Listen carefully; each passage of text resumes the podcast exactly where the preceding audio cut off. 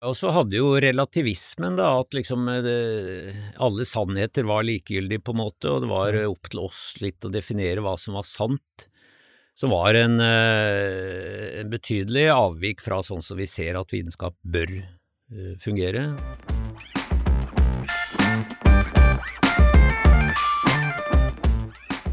Testosteron er jo et signalstoff som primært da regulerer ja, både bygningsmessig trekk og atferd, og det er jo, som jeg sa, atferdsmessig kanskje det mest interessante, for det er jo med å forklare en del atferdsmessige responser, forskjeller på, på kvinner og menn.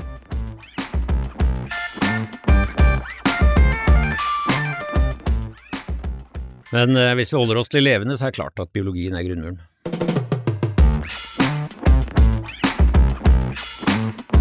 Du hører Mannspodden jakten på mannsidentitet. Bli med Andreas Skjelde og Einar Helgaas på din vei mot autentisk maskulinitet.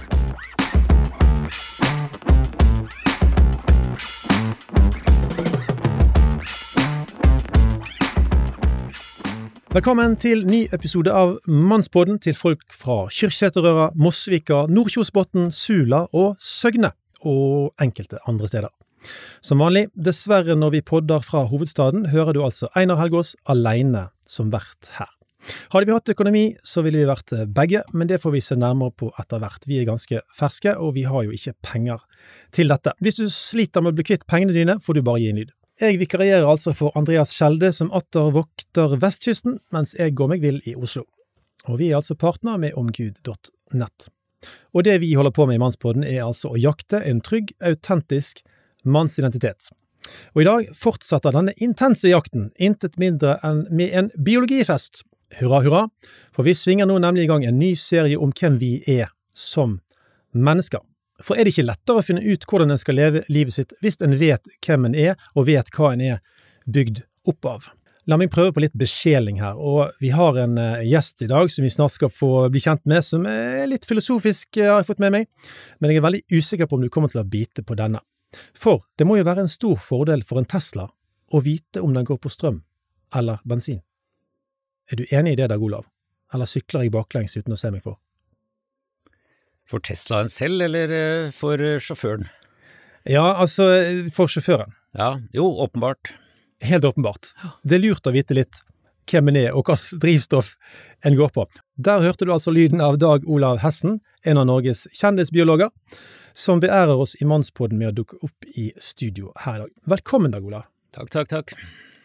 Du skal få lov til å presentere deg mer, men først vil jeg teste enda et bilde på deg. For bilder de kan tåkelegge, men de kan òg forklare, så nå er jeg spent på hva du vil si til dette. Hvis vi sammenligner menneskeheten med et hus, mener jeg at biologien er menneskehetens grunnmur. Det er jeg enig i. Du er enig? Ja, eller ja, hadde du spurt en kjemiker, hadde jeg sagt at kjemien er grunnmuren, og hadde du spurt en fysiker, så hadde fysikeren sagt at det selvfølgelig er fysikken. Men hvis vi holder oss til levende, så er det klart at biologien er grunnmuren.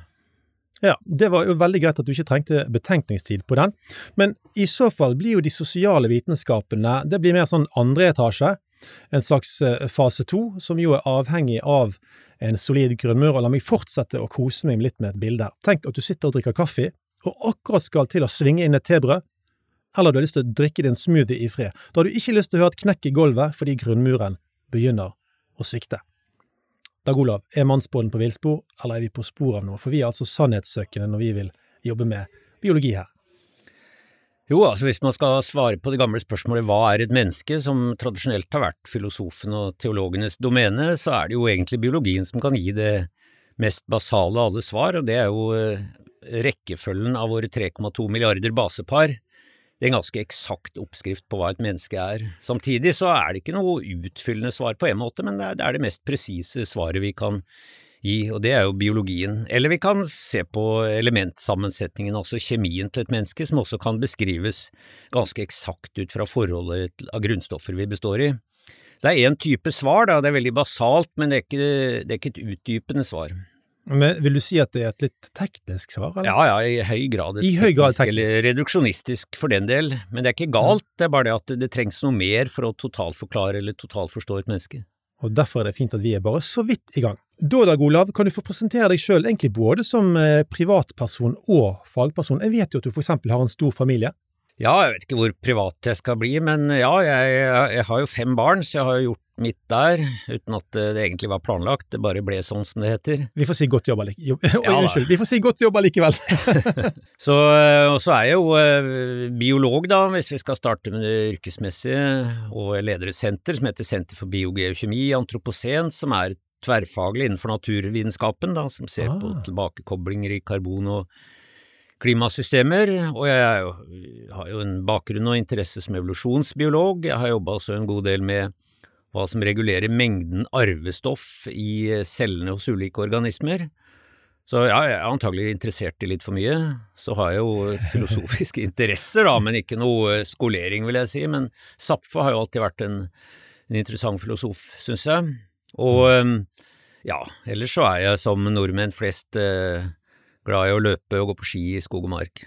Det er kanskje ikke nordmenn flest, men mange i hvert fall. Men det sies for at menn over 50 elsker å se på ski på TV i tillegg til å gå på, gå på ski sjøl. Stemmer ja, det for deg? Der er det full score. Der er det full score! Oi, oi, oi, oi. Vi sliter visst med å engasjere de unge om dagen, men det får vi ta en annen gang. Litt mer om podkasten før vi skal kjøre fag videre. For det som er nemlig veldig kjekt, er at Mannspodden fortsetter å spre seg rundt om i landet. Vi har altså et stort ønske om å skape bevissthet rundt maskulinitet, kjønn, samliv og de utfordringene som ligger i relasjoner og sånne ting. En av de gode fruktene våren 2021 er at vi blir invitert på lokale debatter, TV-program osv., og, og det er veldig kjekt. La oss fortsette disse viktige samtalene folkens, rundt lunsjbord osv., uansett medium. Vi mener at dette handler om å bygge samfunn. Vi takker alle som gir oss respons, uansett om det er ros eller ris, og her kommer en bitte liten kommentar fra den ellers dyktige sørlandsartisten Martin Vikstøl, som han la inn på Apple Podcaster, og der sier han Endelig en podkast som denne, viktige temaer og dyktige, kompetente, troverdige programledere. Tusen takk, Martin. Vi skal love å holde trykket opp videre, så får du fortsette å sjarmere sørlandskvinner med din utsøkte stemme imens. Men Dag Olav, tilbake igjen til eh, tematikken. Jeg har lyst til å begynne litt generelt, før vi går på, på, på noen veldig sånne gøye eh, komponenter her, får vi si. Programmet Hjernevask med Eia og Ile fra 2010 skapte et sjeldent eh, aggressivt ordskifte som du husker sannsynligvis veldig godt, etter at de trakk fram biologiske forklaringsmodeller på menneskelivet, i tillegg til de sosiale som har rådet grunn eh, en periode. Spørsmålet om vi er født sånn eller blitt sånn var jo da et uh, kjernespørsmål. Og da du ble spurt av Stavanger Aftenblad om hva hjernevaskdebatten burde føre til, sa du følgende, for jeg håper du husker dette her. Den burde føre til at biologisk innsikt trekkes inn i forståelsen av mennesket generelt og kjønnsforskningen spesielt. Det må bli slutt på å avskrive biologisk forskning som reaksjonær. Selv om visse funn kan stride mot slik vi ønsker at ting skal være, kan vi ikke slutte fra et normativt er til et normativt bør. Slik vi aksepterer forskjell i hudfarge uten å gjøre det til et problem, må vi kunne godta at kvinner og menn har ulike styrker og svakheter fra naturens side. Det blir galt å forholde seg til verden som om biologiske forskjeller ikke fins. Dag Olav, vi skal ikke gå fullt inn i alt dette, men er, det sånn at biologi har levd litt i, liksom i skyggene av de sosiale vitenskapene og blir liksom stemplet kanskje både som reaksjonær eller som utdatert i forklaringsmodellene? Ikke så mye nå lenger, tror jeg, men den var det lenge. Og, og hjernevask tror jeg bidro til å få fram eh, at uh, biologiske forklaringer eller naturfaglige forklaringer ikke var noe suspekte, men, uh, men, helt logiske. Og så betyr jo ikke det at biologien sier hva vi skal gjøre og bør gjøre, men den er nettopp den grunnmuren du snakker om i, i mange sammenhenger, selvfølgelig ikke alle. Og, men jeg husker jo en debatt som kom før hjernevask også, da var det jo denne sosiobiologidebatten som sikkert de fleste av lytterne er for unge til å huske. Ja. Men da var det veldig suspekt å trekke fram biologiske forklaringer. Det ble sett på som reaksjonært og uh, antifeministisk uh, og alt dette, men uh, hvor langt tilbake i tid er vi nå? Ja, Det er på 80-tallet. Det var en stor og hissig debatt. og Det var ikke først og fremst, eller det var i hvert fall ikke bare om kjønnsroller. Det var, det var veldig mye, egentlig. Men det skyldtes også at altså det ble en veldig polarisert debatt. For på den ene siden så hadde du da Eh, deler av samfunnsfagene, slett ikke alle, men deler av de, som mente at eh, biologi var helt irrelevant, eller gener, da, hva mm. genene eh, fortalt eller ikke fortalt, det var totalt irrelevant, det var kun kultur som telte. Og så hadde du i motsatt grøftekant de som mente at alt var snakk om genetiske forklaringer, mens eh, kulturen var bare et ferniss over det. Ja. Og eh, hjernevask lå nok litt mer på biologiens side, men uh, i de senere år så føler jeg at, også fordi at psykologien sant, i stadig større grad baserer seg på biologi når det gjelder denne type tolkninger, så føler jeg at eh, man nærmer seg en mer sånn fruktbar dialog her. Ja, Det er jo fantastisk. Rett og slett de siste ti årene har, har, det, har det, skjedd en tilnærming mellom, mellom disse, som, dette som har vært litt sånn ytterkanter. Ja, jeg tror det, og det tror jeg skyldes at man i større grad jobber tverrfaglig også for å stå, forstå store, komplekse problemer, enten det er klimaendringer eller menneskesinne, så må mange fagfelt jobbe sammen og, og på for så vidt bringe sine innsikter til, til fellesskapet. Mm. Ja, men du, eh, eh, i forhold til hvordan eh, dette kunne oppstå, dette, denne litt sånn der biologien blir skjøvet litt ut på siden, kan det være at postmodernismens sterke fokus på individ og følelser, det at du på en måte både kan og må skape deg sjøl, på en måte, kan det være noe av grunnen til at man kom i denne lille skvisen? Ja, det tror jeg. Og så hadde jo relativismen, da, at liksom det, alle sannheter var likegyldige, på en måte, og det var opp til oss litt å definere hva som var sant som var en, eh, en, betydelig avvik fra sånn som vi ser at vitenskap bør eh, fungere, hvor den er, eh, den er testbar, den er basert på hypoteser, mm -hmm. i hvert fall den delen av vitenskapen som jeg representerer. Så ja, det var vel eksesser i begge retninger, altså både fra For dette var jo også en periode ganske like etter at man begynte å skjønne litt mer av hva gener gjorde, og man fikk denne følelsen av at gener hadde en slags allmakt. Og så var det jo et par bøker, da, kanskje særlig Richard Dawkins eh, fabelaktige bok om The Selfish Gene, som eh, for mange, og, Dawkins er glad i spissformuleringer, så han skrev jo en del ting som kunne gi inntrykk av at vi var marionetter under DNA-trådene våre, og den frie vilje og alt dette var illusjoner. Og også eh, Wilson, Edward O. Wilson skrev en bok om sosiobiologi som ja, kanskje trakk det litt langt i retning av genetiske og biologiske forklaringer. Men eh, hvis du skulle sagt noe om eh, eh altså Jeg husker fra jernvaskprogrammet at eh, Gudmund Hernes ble spurt om hva han trodde om, om vektlegging av hva betyr biologi, hva betyr de sosiale sidene som kommer etter man er født. Og Da snakket Hernes om 10-20 eh, genetikk, biologi. da. Mm. Eh, og, og, ja, årene har gått siden det programmet. Ville du dristet deg til å ha sagt noe om en, en sånn vekting, at er det 50-50 på en måte, eller hva? Ja, det er litt kjedelig svaret hvis man midler alt, det er jo kanskje 50-50, i hvert fall ikke 20-30, ikke sant, eh, eller 20-30 genetisk. 20-80 mente du? Ja, ja, men hvis han mente at det var 20-30% som var genetisk forklart, så er det klart at det for de fleste egenskaper teller ikke det, og selv komplekse egenskaper som eh, altså kognitive funksjoner, altså hvordan vi eh, tenker og er som personer, er i betydelig grad jeg skal ikke bruke et ord som styrt, men genetisk påvirka. Men dette begynner man jo å vite ganske mye om, fordi vi har tvillingstudier, mm -hmm. studier av enige tvillinger som har ja. hatt ulikt oppvekstmiljø osv., og, så videre, og vi ser at uh, det går an å tallfeste uh, rimelig bra for veldig mange trekk hvor mye av dette som er genetisk. Og vi begynner jo også nå å nøste opp hva genene faktisk gjør, sånn at du kan uh, knytte dette også til, til mer håndfaste tolkninger. Men ja, som sagt, typisk mer, også mer komplekse, verdiorienterte trekk som eh, ligger i individet, er eh, et godt stykke på vei genetisk. Men mm. det er klart at kultur er alltid relevant. Selvfølgelig er det det. Ja. Men jeg, jeg syns du husker fra det programmet òg at det var en, en, utenlandsk forsker fra et større universitet eh, som snakket om 60% på genetikken. Mm. Men, men, når man på en måte litt sånn broderlig deler, så er jo det en god ting, da. Jo, altså det er klart hvis du spør om fysiske faktorer, høyde, kjønn er jo 100 ikke sant, vil i hvert fall vi biologer si, eh, høyde, vekt, eh, veldig mange fysiske karaktertrekk er jo overveiende genetisk, så kan du selvfølgelig jenke det til ved livsstil, du kan gjøre det verre eller bedre, ja, det er alltid et slingringsmonn, men det meste er genetisk. Men når det kommer til eh, atferd, preferanser, eh, IQ, sånne ting, så er det klart at da spiller jo miljøet i større grad inn, men uh, sjelden dominerende. Ja, men du, har, altså, du fødes med et grunnlag, og så kommer den miljømessige påvirkningen som kan da styrke eller svekke det du ble født med, ikke litt sånn? Jo, og det er jo viktig. Altså Hvis vi bare var født sånn eh, og ikke kunne gjøre noe med det, så ville det jo ikke vært noe incitament verken til å prøve å oppdra barna våre eller søke kunnskap eller noe som helst. Det er klart det er, det er ganske vide rammer, men eh, også, hvis du skal bli en OL-vinner, så må du selvfølgelig være født med en disposisjon for det, og i denne disposisjonen ligger også en enorm viljestyrke, selvfølgelig. Mm. Men så må du jo trene som pokker på toppen av det. Jeg har hørt rykte om at det er bare 5% av alle mennesker som, eh, som kan bli de, de ja, beste. Ja, det tror jeg nok. Ja. Du, altså Jeg innrømmer jo å være en sånn ivrig hobbybiolog. Jeg Nesten, nesten et for sterkt uttrykk, men jeg har prøvd å jobbe med biologi eh, og lest meg til at menneskekroppen er en hormonfabrikk. Dag Olav, stemmer det?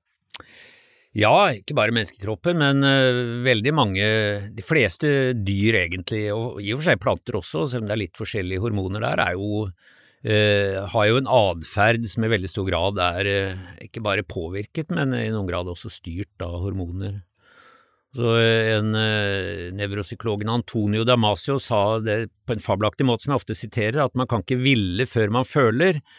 Og, og, hva er følelser? Jo, det er uh, hormonelle signaler, uh, signalsubstanser i hjernen som går herfra og derfra, og kombinert med reseptorkjemi. Så det er en enorm cocktail som surrer rundt der oppe, litt forskjellig hos oss som individer, men det er de samme hormonene, da, og de farges av hvem vi er, de, men de farges også i betydelig grad av miljøet vi omgås i. Ja, men, men, kan du forklare litt mer hvordan denne hormonfabrikken fungerer sånn generelt, først før vi går inn på enkeltkomponenter her? Ja, hormoner er jo egentlig signalstoffer som evolusjonen har frambrakt som evolusjonære kompass. Altså, eh, for å ta kanskje den mest basale drivkraften, eh, seksualdriften, så er selvfølgelig det en grunnleggende drift hvis man ikke hadde følte begjær så ville ikke slekten bli videreført, og det ville begjæret må være ganske sterkt, sånn at du kan gå gjennom store offer og ydmykelser og forsakelser for å oppnå mm. målet. På samme måte så har vi jo signalsubstanser som eh, viser avsky, skrekk, eh, tiltrekning, så det er altså en cocktail av ulike stoffer i samspill som eh, motiverer oss eller demotiverer oss, og som på en måte er rasjonelle kompass for eh, det vi kan kalle biologisk riktig atferd, da. Det mm. behøver ikke å være moralsk riktig, men, eh, men i hvert fall biologisk riktig. Men, men du sier ikke nødvendigvis moralsk riktig, men du sier rasjonell. Er ikke rasjonalitet og moralitet, henger ikke det sammen? Eh, jo, altså biologisk rasjonell, da. La meg snevre det inn til det. Ja. Ja, ok. ok.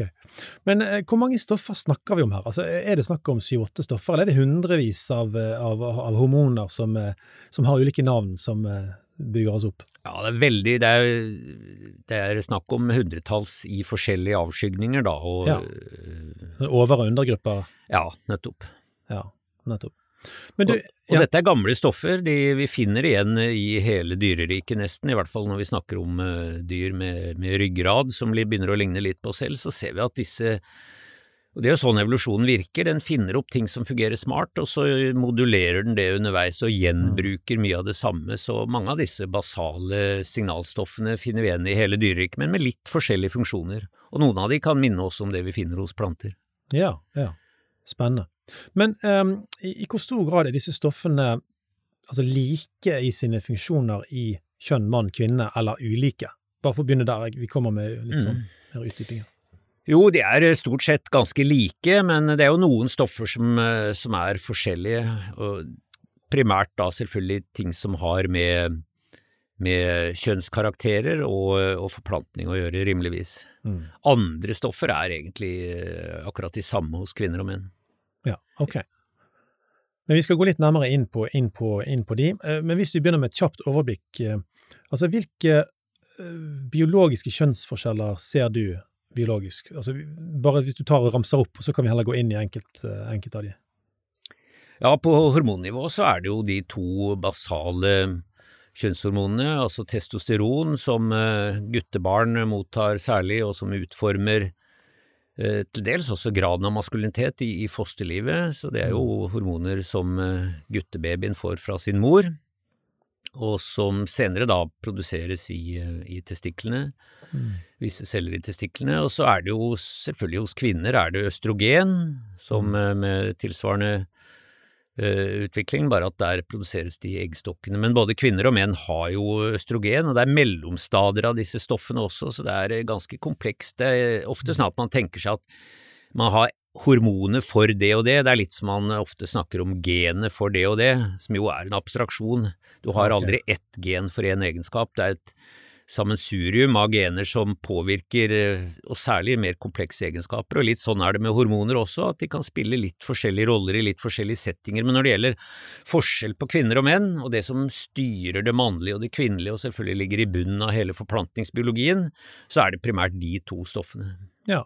Og de styrer mye annet også, det er jo ikke bare akkurat uh, kjønnsorganer og forplantningsbiologi, men eh, størrelse, muskelstyrke, grad av aggresjon, alt dette.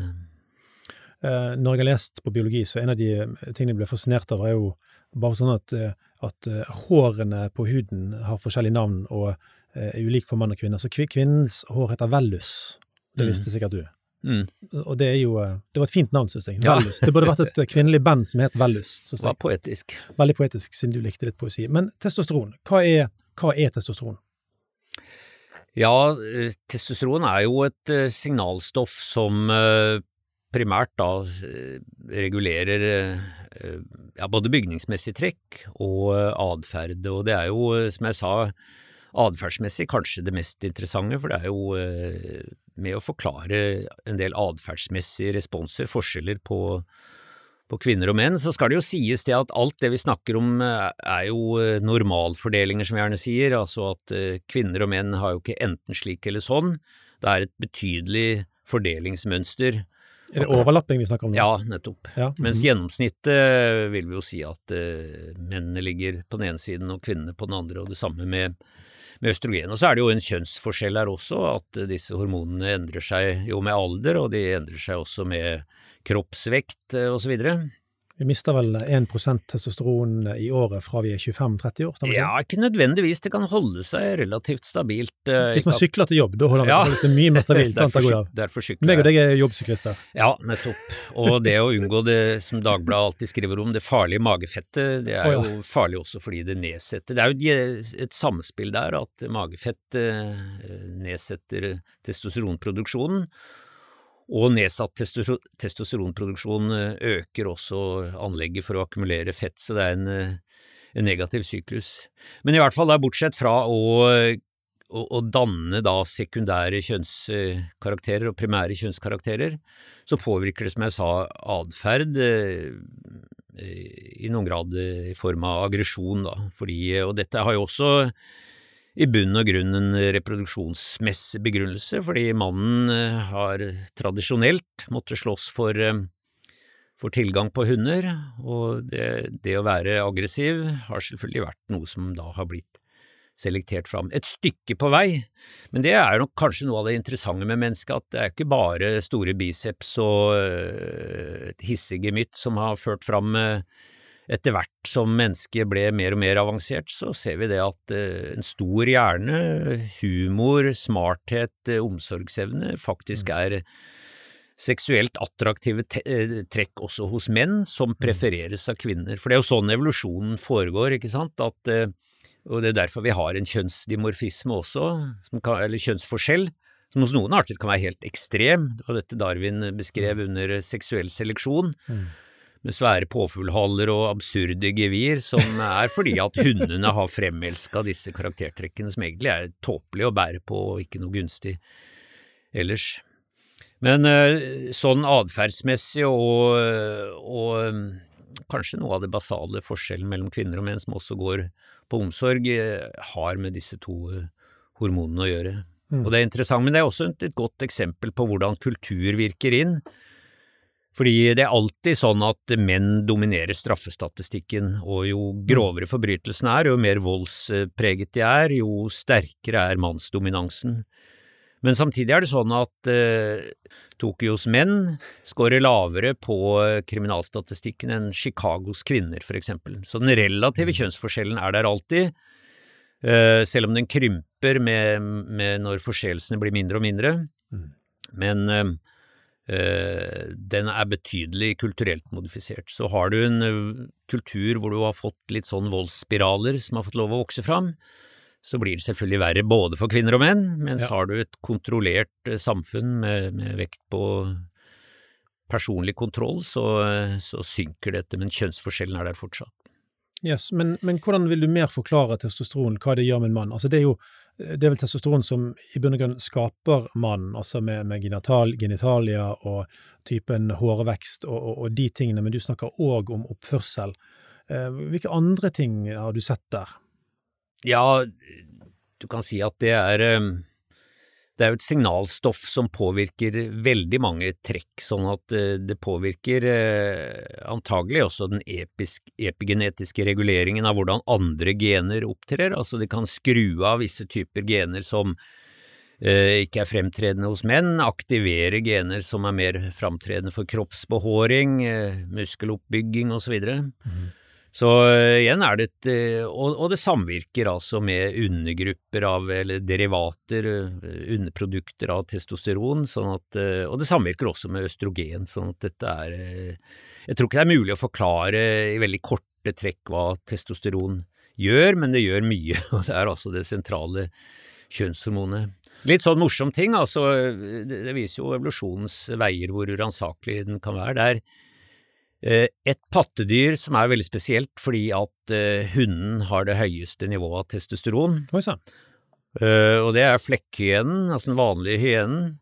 Der, har, eh, der produserer eh, mødrene masse testosteron, testosteron i, eh, i livmoren når det er en, eh, en eh, hund til stede, altså en, en datter. Så hundene fødes med høyere testosteronnivå enn brødrene sine, de blir større og sterkere, og interessant nok da, så får de også en klitoris som ligner på en penis og har til dels nesten samme funksjon. Selvfølgelig, den produserer ikke spermier, men den, de produserer fortsatt egg, men eh, det det illustrerer jo hvor fleksibelt dette kan være. Antagelig har det systemet oppstått fordi at det har vært gunstig for hundene å kunne kjempe seg til en posisjon i flokken, og så har Mm. dette eskalert gjennom evolusjonen. Skjønner. Men stemmer det at uh, vi menn har i snitt 15 ganger mer testosteron i kroppen enn kvinner? Uh, ja, det kan nok stemme at det er Jeg tror det er mer enn det. Enda mer, ja. Ja, ja. Men uh, det virker jo som det å gå sykle Birken for en del menn kan bli en veldig voldsom besettende greie. Dette med konkurranseinstinkt og Birken er bare ett eksempel, da. Det blir sånn flaggskip. Eh, kan det òg forklares eh, ut fra at vi har en biologi som gjør at vi, vi konkurrerer, vi går inn i hierarkier og vil være den største og den beste, og, og det er jo eh, Dag Fjordholmen snakker om menn som ikke lenger kan sykle Birken pga. en annen sykdom og lurer på hvorfor han lever.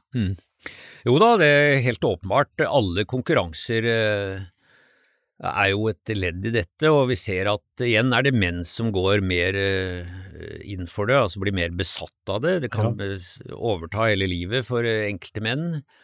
Eh, Selv lenge etter at man er ferdig med reproduktiv alder, selv om denne her verste konkurransedriven, den, den synker jo gjerne med årene, men hos noen er den like vital oppe i 60-årene, eh, selv om man da normalt er over reproduktiv alder.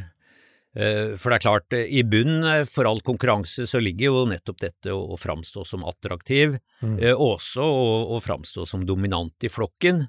Og dette kan utspeiles og utspilles på mange måter. Heldigvis bør vi ikke ty til slåsskamper, men vi kan gjøre det litt mer sånn rituelt gjennom fotballkamper på lagnivå, eller individuelt gjennom eh, kappsykling til jobben eller eh, Birken eller hva det måtte være. Ikke sant? Men kvinner gjør jo også dette, så vi mennesker er jo generelt veldig opptatt av konkurranse. Det er jo, må jo være en grunn til at snart alle TV-programmer dreier seg i en eller annen form om et konkurransekonsept hvor noen skal stemmes ut og man til slutt sitter med vinnerne. Men uh, igjen er det det at menn, og det er jo typisk for menn, altså man er eh, Det blir gjerne mer ekstreme utslag.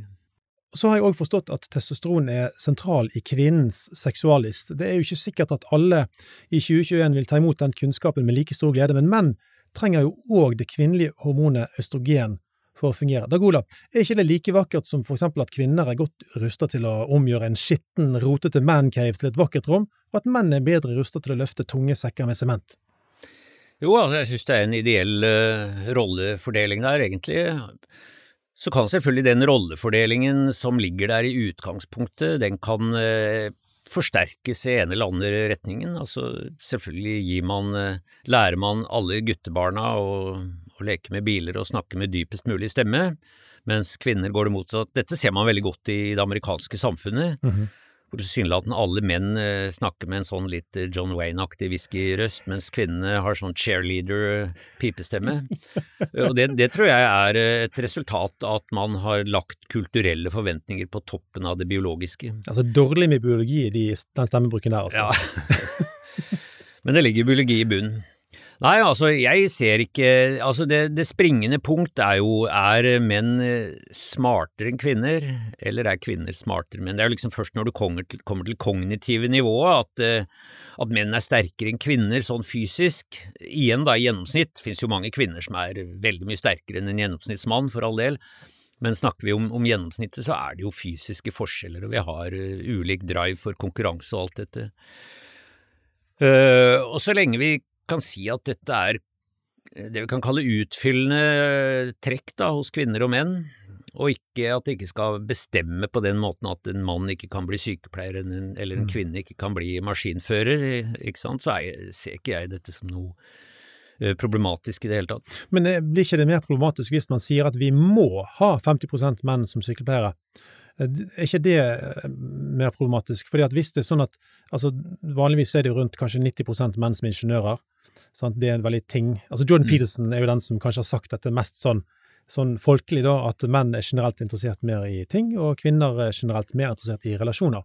Mm. Eh, og hvis det stemmer, og han er jo psykolog og, og, har en faglig begrunnelse for det, så ville det være merkelig hvis vi skulle halvtvinge kvinner i si, militæret eller inn i ingeniøryrket, og, og, og, det samme menn inn i sykepleieryrket. Nå er det filosofen i deg som eh, må svare her. Jo, både biolog, biologen og filosofen. Altså, det var jo litt av et av temaene i Hjernevask også. Altså, når vi har et samfunn som i prinsippet er åpent for valgmuligheter, og alle kan ta de yrkene de vil, så har vi likevel denne kjønnssegregeringen i yrker, eh, yrkesvalg. Viser ikke det nettopp at eh, det er en biologisk forskjell her? Og det tror jeg nok et stykke på vei, men selv om valgmuligheten fortsatt, eh, eller selv om valgmuligheten nå er der, så er det nok fortsatt litt sånn stigmatiserende å gå inn i et uh, yrke som oppleves som veldig feminint. Altså disse tingene mm. tar lang tid, men jeg tror aldri vi kommer dit hen at det vil være like attraktivt for en mann å gå inn i et omsorgsyrke, uh, eller en kvinne å gå inn i et uh, veldig fysisk yrke. Mm. Men de kvinnene som vil det, kan selvfølgelig gjøre det, på samme måte som de mennene som ønsker å ha et omsorgsyrke i, i barnehage eller mm førskole, eh, førskole eller eh, sykepleie, kan gjøre det og bør gjøre det. Mm. Jeg er helt enig med deg. Sånn kan vi tenke. Men nå skal vi avrunde denne første episoden. Tusen takk, eh, Dag Olav, for en veldig spennende samtale. Vi er godt i gang. Vi skal få høre mer fra deg i en, episode til. Og som vanlig til våre lyttere, hvis du liker dette, del det gjerne med venner i familieselskapet på fisketur, og gjerne på sosiale medier. Og særlig til gutta, send den gjerne til fem kamerater hvis du syns dette er bra. Det er viktig òg for spredningen om du går inn på Apple Podcaster og legger igjen noen fine stjerner og en kjapp kommentar. Og til slutt, følg oss på Instagram og bli med i Facebook-gruppen der du får fagstoff sånn cirka ukentlig utover. Vi takker for oss med å si som de gjør på Hausa, Sanu Dazuva. Mens du venter på neste episode, del gjerne Mannsbåten med fem andre menn, så de kan koble seg på jakten på mannsidentitet i en kjønnsnøytral tid. Hvis du ønsker å lære enda mer om denne tematikken, følg Mannsbåten på sosiale medier. Vi snakkes. Sha-la-la, oh, oh, yeah.